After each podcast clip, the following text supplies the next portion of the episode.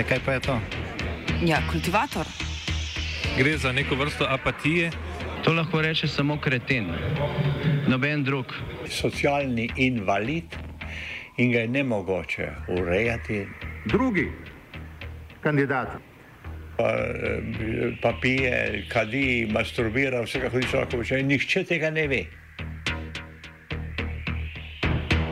Vsak petek skultiviramo dogodek tedna.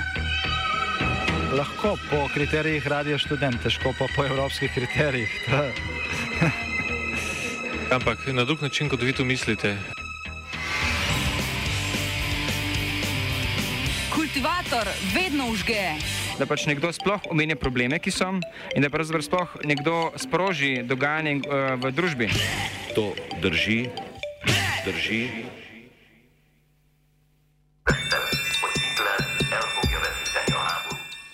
Dobrodošli v današnjem kultivatorju. Danes se javljamo iz studija Radio Student, kar uživo.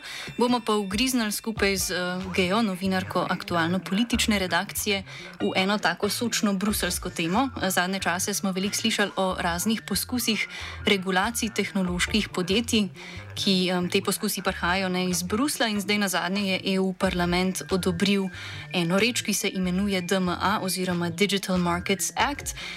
Taka neka regulacija, tudi Evropska komisija poskuša regulirati sektor tehnologije, ni novost. Um, Geja bi te pa vprašala, kaj je tokrat drugače, zakaj je tokrat to prelomno? Ja, torej prelomno je v bistvu to, da se je Evropski parlament, oziroma predvsem pobude prihajajo iz Evropske komisije, um, predvsem iz pač komisije za konkurenčnost. Uh, novost je to, da se fokusirajo na v bistvu napadanje, oziroma na fokus, se fokusirajo na ta velika, velikanska podjetja, ki so pač praktično mono, monopoli, se pravi Google, Facebook, Amazon. Um, podjetja, ki pa zauzemajo večino svojega področja, oziroma obvladujejo večino svojega področja. Ne? Se pravi, uh, DMA, ne Digital Markets Act uh, je namenjen temu, da se uredijo pravila spletnega poslovanja. Ne zato, ker pač strokovnjaki za to področje rečejo, da je to pač neregulirani divji zahod ne? in da pač to pomeni, da smo na škodi. Tudi potrošniki, predvsem pa pač v bistvu neka mala podjetja, ki se ne morejo kosati z Googlom, Facebookom, Amazonom, Microsoftom, YouTubeom in podobnimi platformami. Um, Se pravi, novost je to, ja, da se je pač večina zakonodaje, zakonodaje do zdaj ukvarjala s potrošniki, varovanje potrošnika do zase, zasebnosti potrošnika, pa to, a, a te lahko dos, dostopajo, do te, dostopajo do tebe reklame ali ne. Zdaj se pa prav poskuša čim bolj konkretno ukvarjati z monop, monopoli no, in jim omejiti močane gre v bistvu zakonodajo, ki bo definirala, kaj, kaj te velike korporacije smejo in kaj ne smejo početi. Ne? Um, se je pa pač ta zakonodaja oblikovala počasi skozi leta, predvsem preko teh nekih tožb, ne? v smislu, ne vem. Uh, komisija za konkurenčnost je ugotovila, da Google krši uh, v bistvu pač to.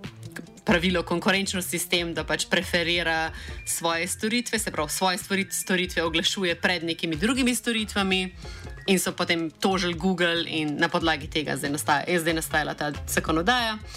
In um, torej ta Margaret Vestager, ne, ki je pač vedno tožila neke te velike, velike um, platforme, ne, in zdaj pač poskušajo malo omejiti njihovo uh, moč ponudnikov. Ne, ker pač uh, lahko povem tle, da pač To je to v bistvu antimonopolna zakonodaja.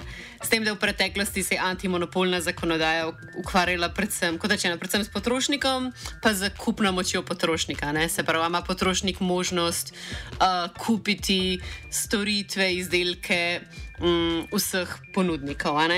Ker pa malo težko Tukaj pa ne veliko se pač vemo, ne Facebook, ko se ti pač, mislim, Facebook je zate za ston, v denarju, seveda, ne. Se vsi vemo, da si ti produkt na Facebooku. Ampak se pravi, pač ta star način razmišljanja o antimonopolu je pač, mogo, ni, je pač neuporaben, ko pridemo na te zelo sodobne uh, platforme. Tako da, ja, toliko za začetek, ne se ja. pravi. Ja. Skratka, treba je nekako uh, najti način, kako držati roko nad podjetji, ki držijo roko nad direktnim trgom, realno, ne splošno, tako. ne samo spletnim. Um, zdaj, ene par teh močnih podjetij, tako zvanih uh mhm. -huh. gatekeeperjev, si že omenjala, se pravi Google, Facebook, Apple in tako dalje. Um, bi mogoče rekla še kaj o konkretni njihovi vrednosti, pa o tistih podjetjih, ki Ja. niso vključena. Se pravi, v bistvu tle, torej več, eh, zdaj so vzp- vzpostavili kategorijo tako imenovanih gatekeepers. To so torej ta podjetja, ki bistvu imajo neke mono, monopole, vsaka na svojem področju, a, ne, a naj bo to spletna trgovina, a naj bo to pač, se pravi, ja, Amazon, Google, Facebook, karkoli, kar je na spletu, YouTube, uh, Gmail, vse, kar spada pod Google, ne, se pravi, uh -huh. tega, da je Android, Google Ads, Google Maps, vse. Um, Zdaj, uh, definicija, ki jo je sprejela eh, Evropski parlament, je pa v bistvu, da so to podjetja, ki imajo več kot 65 milijard vrednosti na borzi. Uh, in je v bistvu tle malo kontroverzno, ker so neka podjetja, ki tudi obvladujejo ogromen delež svojega trga, ki pa niso v tej definiciji. Se pravi, Spotify obvladuje 55% evropskega trga. Uh -huh. Uh, na, pač na področju Glasbe, deljenja. ja. Tako, uh, kar je več kot recimo Apple, ne? pa Apple je na tem seznamu kot celotno podjetje. Uh -huh. uh, Spotify pa ni, ne? se pravi, se pravi če se tle, tle bi se mogli boriti proti monopolom, ne tudi če so mal manj bogati. Mini monopoli. ja. Mini monopoli. Okay.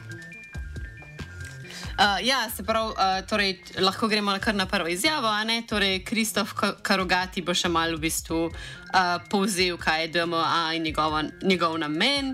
Uh, je pa on strokovnjak za konkurenčno pravo pri think tanku Bruegel v Bruslju. DMA it's a legislation that will only apply to uh, large online platforms. So basically, um, Google, Facebook, Amazon, Apple, but other large players. And um, this regulation will impose obligations, so things I have to do, and interdictions, so things I don't have to do.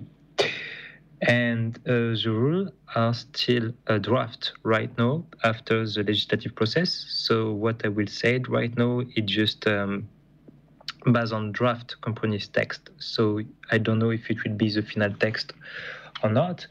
But so far, um, example of rules that they will have to comply is, for example, for you as a consumers, is the ability to download application on your smartphone from outside, from the web or from a third-party uh, Apple stores.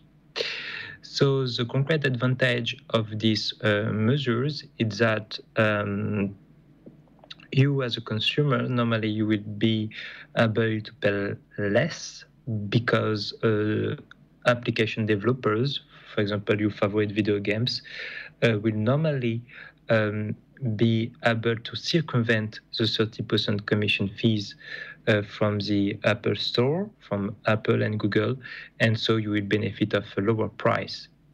Uh, in theory this is what you should uh, do but then it will depend on the implementation of the measure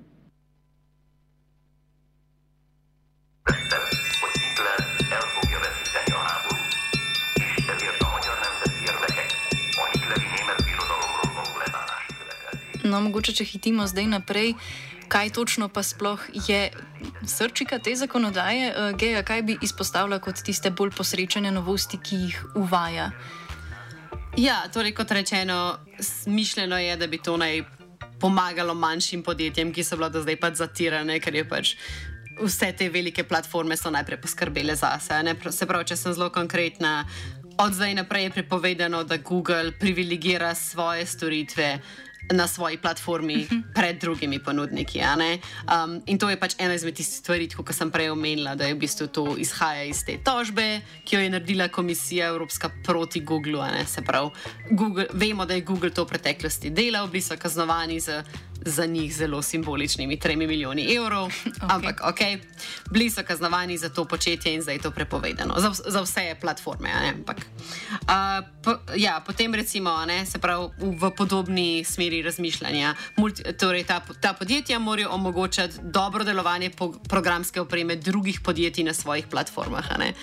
Ker so pač na ta način tudi očitno druga drugo zaf- zafrkavale, no, še samo ljudna, um, da pač ne. Potem si najraje zbral Googlove, če je Google poskrbel, da so samo njihove storitve dejansko dobro delovale pri njih. Um, potem pa, kar se pa tiče podrobja, pod, področja kazni. so pa zdaj dobili pač um, večjo moč. Se pravi, komisija, ki bo v bistvu preganjala te kršitelje, je dobila zdaj pravico in pač večjega raziskovanja in pravico tega, da v bistvu. Te kaznuje, mislim, da kaznuje ta, ta, ta podjetja z do 10% njihovega letnega prihodka. Uh -huh. ne, se pravi, ne zdaj 3 milijone, ki ni nič za Google, ampak 10% Googlovega prihodka, ja. je pa zdaj že kar nek nar. Ne? Um, in men dovoljujejo celo, da lahko v bistvu, če se podjetje večkrat krši, da lahko podjetje nekako razbiješ. Ne? Zdaj, kako bo to dejansko? Ali bo to možno uveljaviti, je vprašanje, ampak uradno imajo zdaj to možnost. Ne? Kako pa bi se pol, recimo, spremenila, ali pa se bo spremenila uporabniška izkušnja, ki se bo to poznal, ko dejansko imaš ti, ne vem, aplikacije na telefonu? Ja, se pravi, recimo, um, Facebook ne bo smel več uporabljati podatkov, ki jih ti kot uporabnica um, pustiš, oziroma ki so na voljo v WhatsAppu. Ker WhatsApp je zdaj spada pod Facebook, oziroma vse skupaj spada pod Meto. In v preteklosti je Facebook pač lahko za vem, potrebe oglaševanja ali pa če za kaj drugega uporabljal podatke od WhatsAppa, uh mhm. -huh. zdaj pa pač to ne sme, ne? čeprav je pač krovno podjetje enako. Um, in to je samo pač primer, velja za vse te storitve. Se pravi, Apple Music podatkov ne sme Apple kot podjetje zdaj uporabljati podatkov, ki jih ti pustiš Apple Music, razen če bi ti to izredno dovolila. Um, Appleova trgovina ne sme več zaračunavati 30-odstotni prispevek podjetjem, ki hočejo svoje aplikacije prodajati v Appleovi trgovini. Se pravi, spet ta problema. Ne, ne sme Apple prioritizirati um, svojih aplikacij, medtem ko pač druge aplikacije reče: aha, vi hočete biti na Appleovi trgovini. Plačite več, ne. Torej, ne, ne sme, ne more vse obravnavati enako, enako vredno. Um, Še to ne, lahko si odstraniš vnaprej nastavljene aplikacije. Ne? Se pravi, Google te ne more prisiliti, da imaš ti na telefonu vnaprej nastavljen Google Search ali pa Google Chrome. Medtem ko prej te lahko nastaviš, se verjetno si opazil, da so neke aplikacije ali pa neka programska, programska oprema, ki jo ne moreš odstraniti z telefona, čeprav jo nikoli ne uporabljaš. Ne? Se pravi, to bi se zdaj moglo spremeniti. Da ti ne porablja baterije za brezveze. Tako da ja. Ja, juhej. Um, in selimo se naprej na naslednjo izjavo, če se ne motim. Tako se pravi uh, Jan Pemfrat iz Zagovorniške asocia asociacije European Digital Rights. Izpostavi, da je pozitivno in zelo impresivno že to, da se DMA osredotoča na velika podjetja. I think the Digital Market Act is, is quite extraordinary in the, in the sense that it's the first time that the EU has tried to put ex ante rules um, on on gatekeeper platforms or on gatekeepers, um, uh, more broadly speaking. And, and, I think this is this is really an improvement uh, as compared to before, where in competition law traditionally you would have to uh, go after every single instance of um, of abuse of dominance, uh, and then prove that abuse of dominance uh, prove the harm that's been done, um, and that takes years sometimes, and then it's challenged in courts. So, uh, you know, the DMA provides a very useful shortcut to that. No, Karugati pa dodaja, da je pozitivna novost za manjša podjetja, to, da morajo ta velika podjetja, ti tako imenovani gatekeepers, deliti podatke z malimi podjetji. Controversial measures um, you have um, for you as a Uh, as a business users, one of the practices which will be beneficial is to ask to uh, to large net platform the data of your customers uh, in order to um, have a better relationship with them and to develop a product on top of that data. So, example, if you are um, a third party merchant on Amazon, you will be able to request Amazon uh, the data of uh, the users on Amazon and then to develop better product based on the data that Amazon provide to you.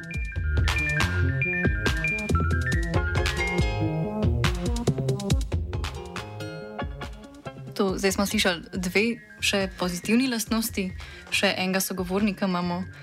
Ja, seveda, se pravi Konstantinos Komaitis, uh, ki je aktivist za pravice na internetu, pa dodaja še to, kar sem tudi prej jaz na kratko omenila. Se pravi, da je za, za manjša podjetja pozitivno tudi to, da recimo Google ne sme prioritizirati svoje, svojih storitev v Google iskalniku.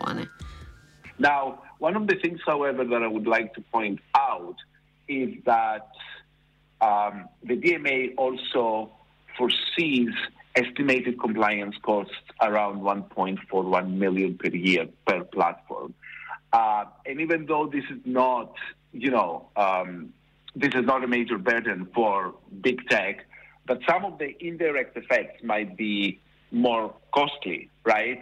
So some provisions, for example, uh, the, the, one that requires search engine services to disclose to competitors how they rank answers to any given query might compel gatekeepers to share proprietary information and expertise that is essential to their own competitive success.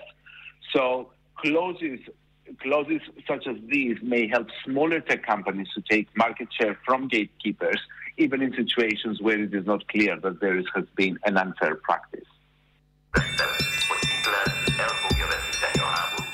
Zdaj smo identificirali nekaj prednosti te zakonodaje. Um, med to spada, kot smo omenjali, osredotočenost na velike kršitve in pa poskusi pomaganja manjšim podjetjem. Seveda pa ni vse tako ružnato. Um, kaj pa so tiste slabosti zakonodaje?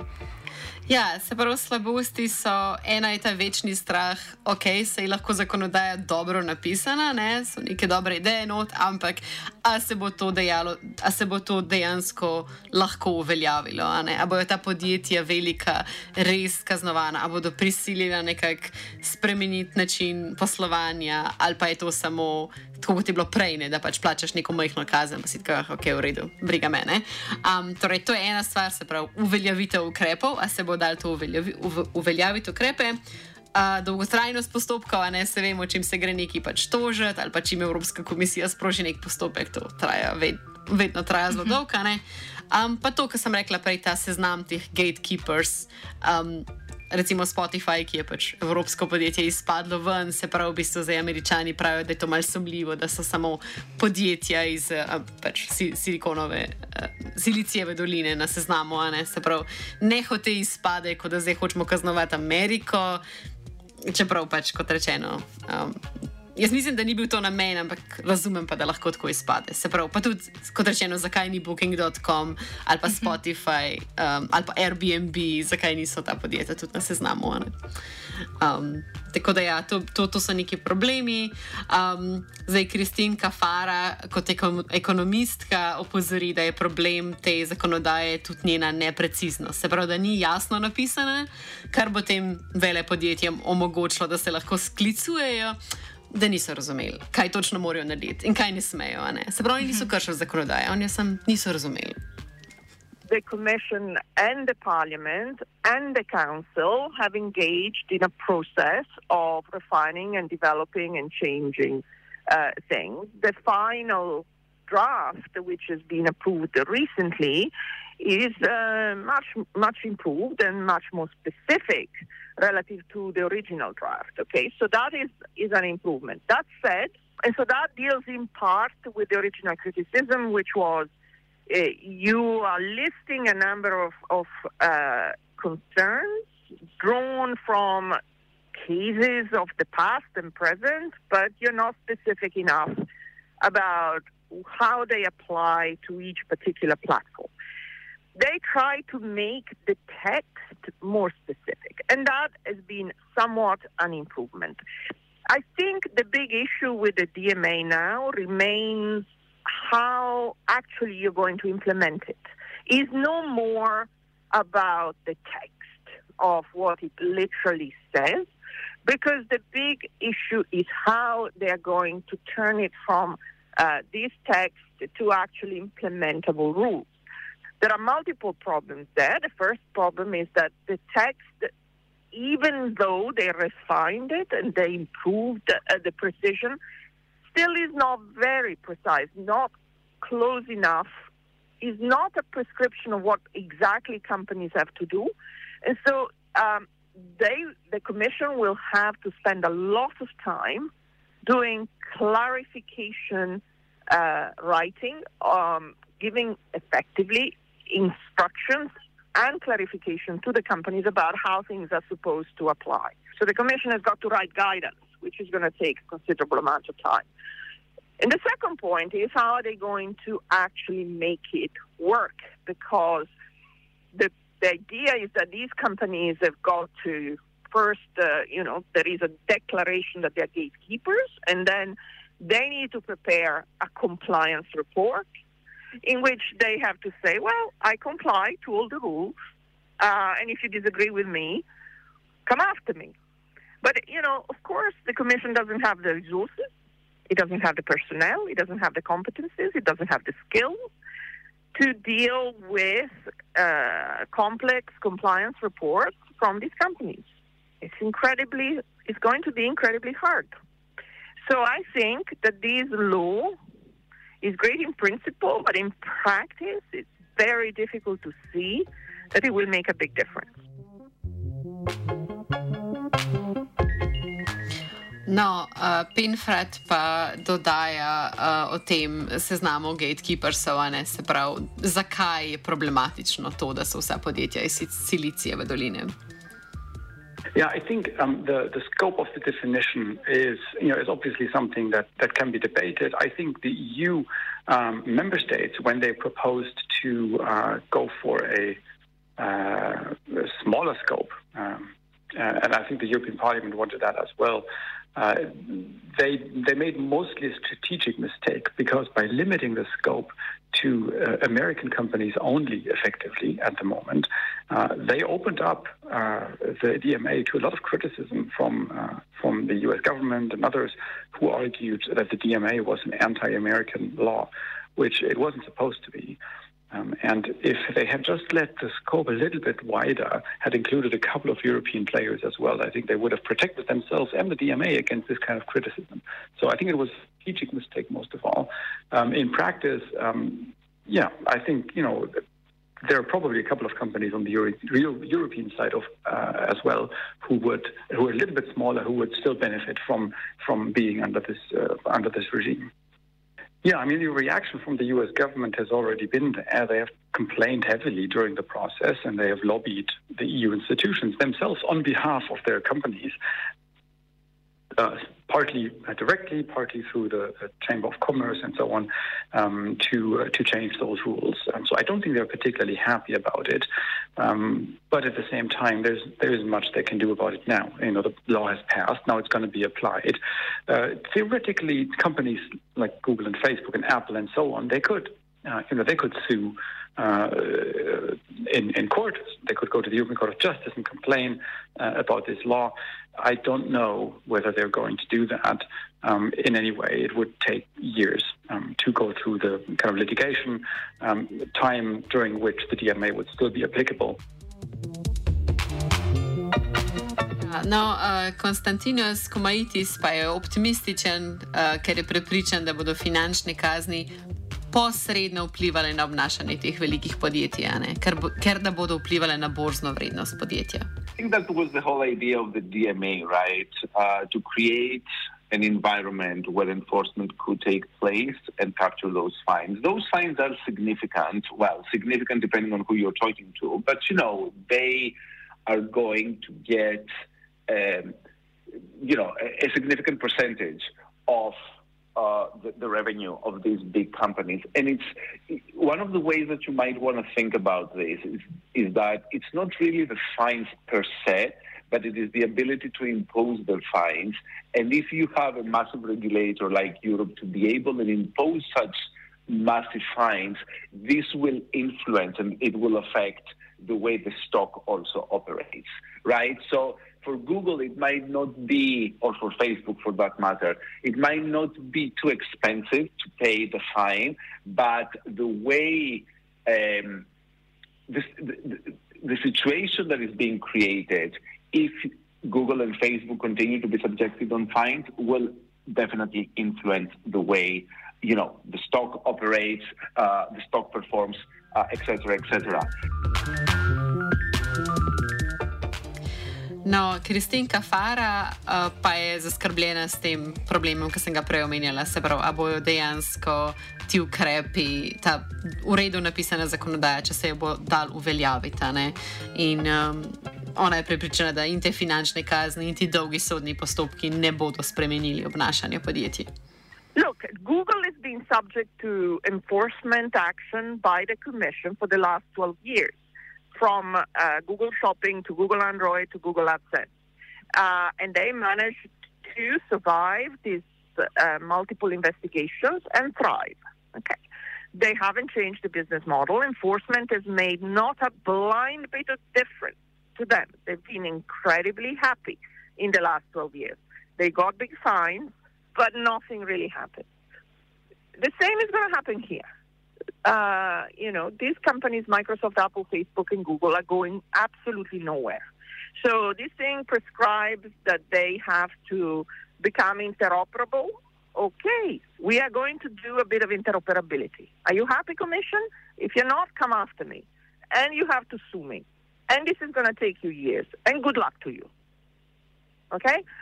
So I think they will change a little bit of the margin. They'll do the bare minimum, the bare minimum to be seen to be giving them something. But it will not change the business model one little bit. And then it's up to the commission to want to pursue these cases. How? With what resources? I mean, they they have done the three Google cases, no change on the ground.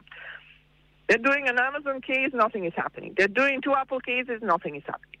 Exactly what is going to change? That is the problem with current enforcement. So my my own judgment is that everybody is is real has realized that, that antitrust hasn't worked. The cases were good, but there has been no change on the ground. Antitrust has not worked. So everyone is now saying, let's do ex ante regulation because that is going to be self enforcing and companies are going to change. How? Why? Why should they? No, ampak nesreča kafara uh, nam ne pove samo, kaj ne bo pomagalo, ampak doda tudi, da bi bilo za, da, da bi bilo za dejansko antimonopolno delovanje bi bili potrebni drugačni ukrepi. I think that the enforcement is the great big question mark. And so there, I think, don't get me wrong, I think it's a great act. The fact that Europe has kind of passed it is a sign of uh, leadership, but also a sign of impotence, uh, because it is a sign that there is an acknowledgement that antitrust isn't working. So we can't do it with antitrust. We need to do it with regulation. So it's a sign of impotence. Um, at the same time, you know, it sends a signal. It says, you know, we, the European citizens, the people, and the representatives have concerns about the power of these platforms. That is a, a, a signal. But uh, will it change absolutely the structure of these markets? Will it decentralize uh, ownership and power? No. No, nothing will change on the ground. And that's why we need to, I think, think about different solutions uh, for decentralizing the internet. Uh, think about using privacy law, privacy, data protection much more, uh, ways of decentralizing the internet that don't rely on regulation. It's not easy, but I'm just saying that if we think as Europeans that this stuff is going to bring about democratization of power in these kind of markets, forget it. It's not going to happen. It will help a little bit at the margin, you know, if you are somebody who feels that they are complaining about not being given access. You're a business, you're an app developer. Maybe you'll get a slightly better deal. Poskusili smo torej pretehtati pluse in minuse zakonodaje. Uh, zdaj pa mogoče za zaključek, kaj se ti zdi, Geja, da to pomeni v političnem smislu. Ne? Šli smo v uporabniška izkušnja, kaj pravniško in zdaj še politično, a je šel s temi zakoni boj proti tehnološkim velikanom v neko mainstream politiko. Ja, mislim, vsekakor to vprašanje, kaj naredi s tehnološkimi podjetji. Um, predvsem že, že samo to, da je pozornost na njih in da jih poskušamo regulirati, je definitivno postalo del, je vedno bolj del mainstream politika, ne? tako v Evropski uniji kot v ZDA, ne? kjer so tudi zvlekli recimo Zuckerberga na zaslišanje pred kongresom, pa so se pa v Unijo stareli senatori poskušali pretvarjati, da razumejo internet. Um, Tako da ja, je del mainstream politike, uh, sem pa bolj skeptična glede neke te učinkovitosti, ne, ker se bojim, da je to ti pomisleki, da ta zakonodaja, ki je bila pravkar sprejeta ne, po dveh letih pogajanj, da, pač, da je dejansko ta problem, a se jo bo dalo uveljaviti. um, in koliko bo sploh vpli- vplivala na ta podjetja, ali se je bojo pač otresli dol, ne, kadaj pač nič. Um, tako da ja, neko gibanje. Da je treba dejansko prestriči peruti tem tehnološkim velikanom, obstaja, ampak se bojim, da ni prav učinkovito. Ne. Predvsem pa pač so ti, ta, ta velika podjetja res izredno, izredno uspešno se borijo zase. a ne. Mislim, kljub temu, da je ta zakonodaja tako zelo neučinkovita, oziroma mogoče ravno zato je tako neučinkovita, ker je bilo toliko lobiranja, uh, se pravi, 150 sestankov je bilo med, pač to, med temi vele podjetji in evropskimi uradniki v teh dveh letih. Um, ogromno lobiranja, ogromno organizacij. Se smo prej slišali v izjavi, ne, da je tudi ZDA, mislim, kot pač vla, vladne organizacije so pomagale um, sil, sil, pod, podjetjem iz Silicijeve doline lobirati za v bistvu milejšo zakonodajo. No. Tako da.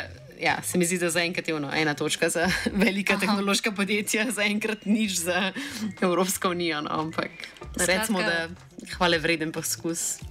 Skratka, nismo optimistični, bo pa povedal sam čas, kako se bo izkazala stvar. Eh, Ko smo pa že pri času, nam ga počasi za današnji kultivator zmanjkuje. Hvala vsem za pozornost. Poslušali ste kultiviranje nove zakonodaje regulacije tehnoloških podjetij. O njej se je pa prišla pogovarjati v studio Geja Saje.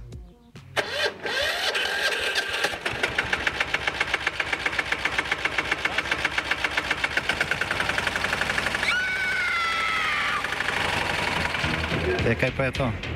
Ja, kultivator. Gre za neko vrsto apatije. To lahko reče samo kreten, noben drug. Socialni invalid in ga je ne mogoče urejati. Drugi kandidat. Pa, eh, pa pije, kadi, masturbira, vse kako hoče lahko počne. Nihče tega ne ve. Vsak petek skultiviramo dogodek tedna. Lahko po kriterijih radio študent, težko pa po evropskih kriterijih.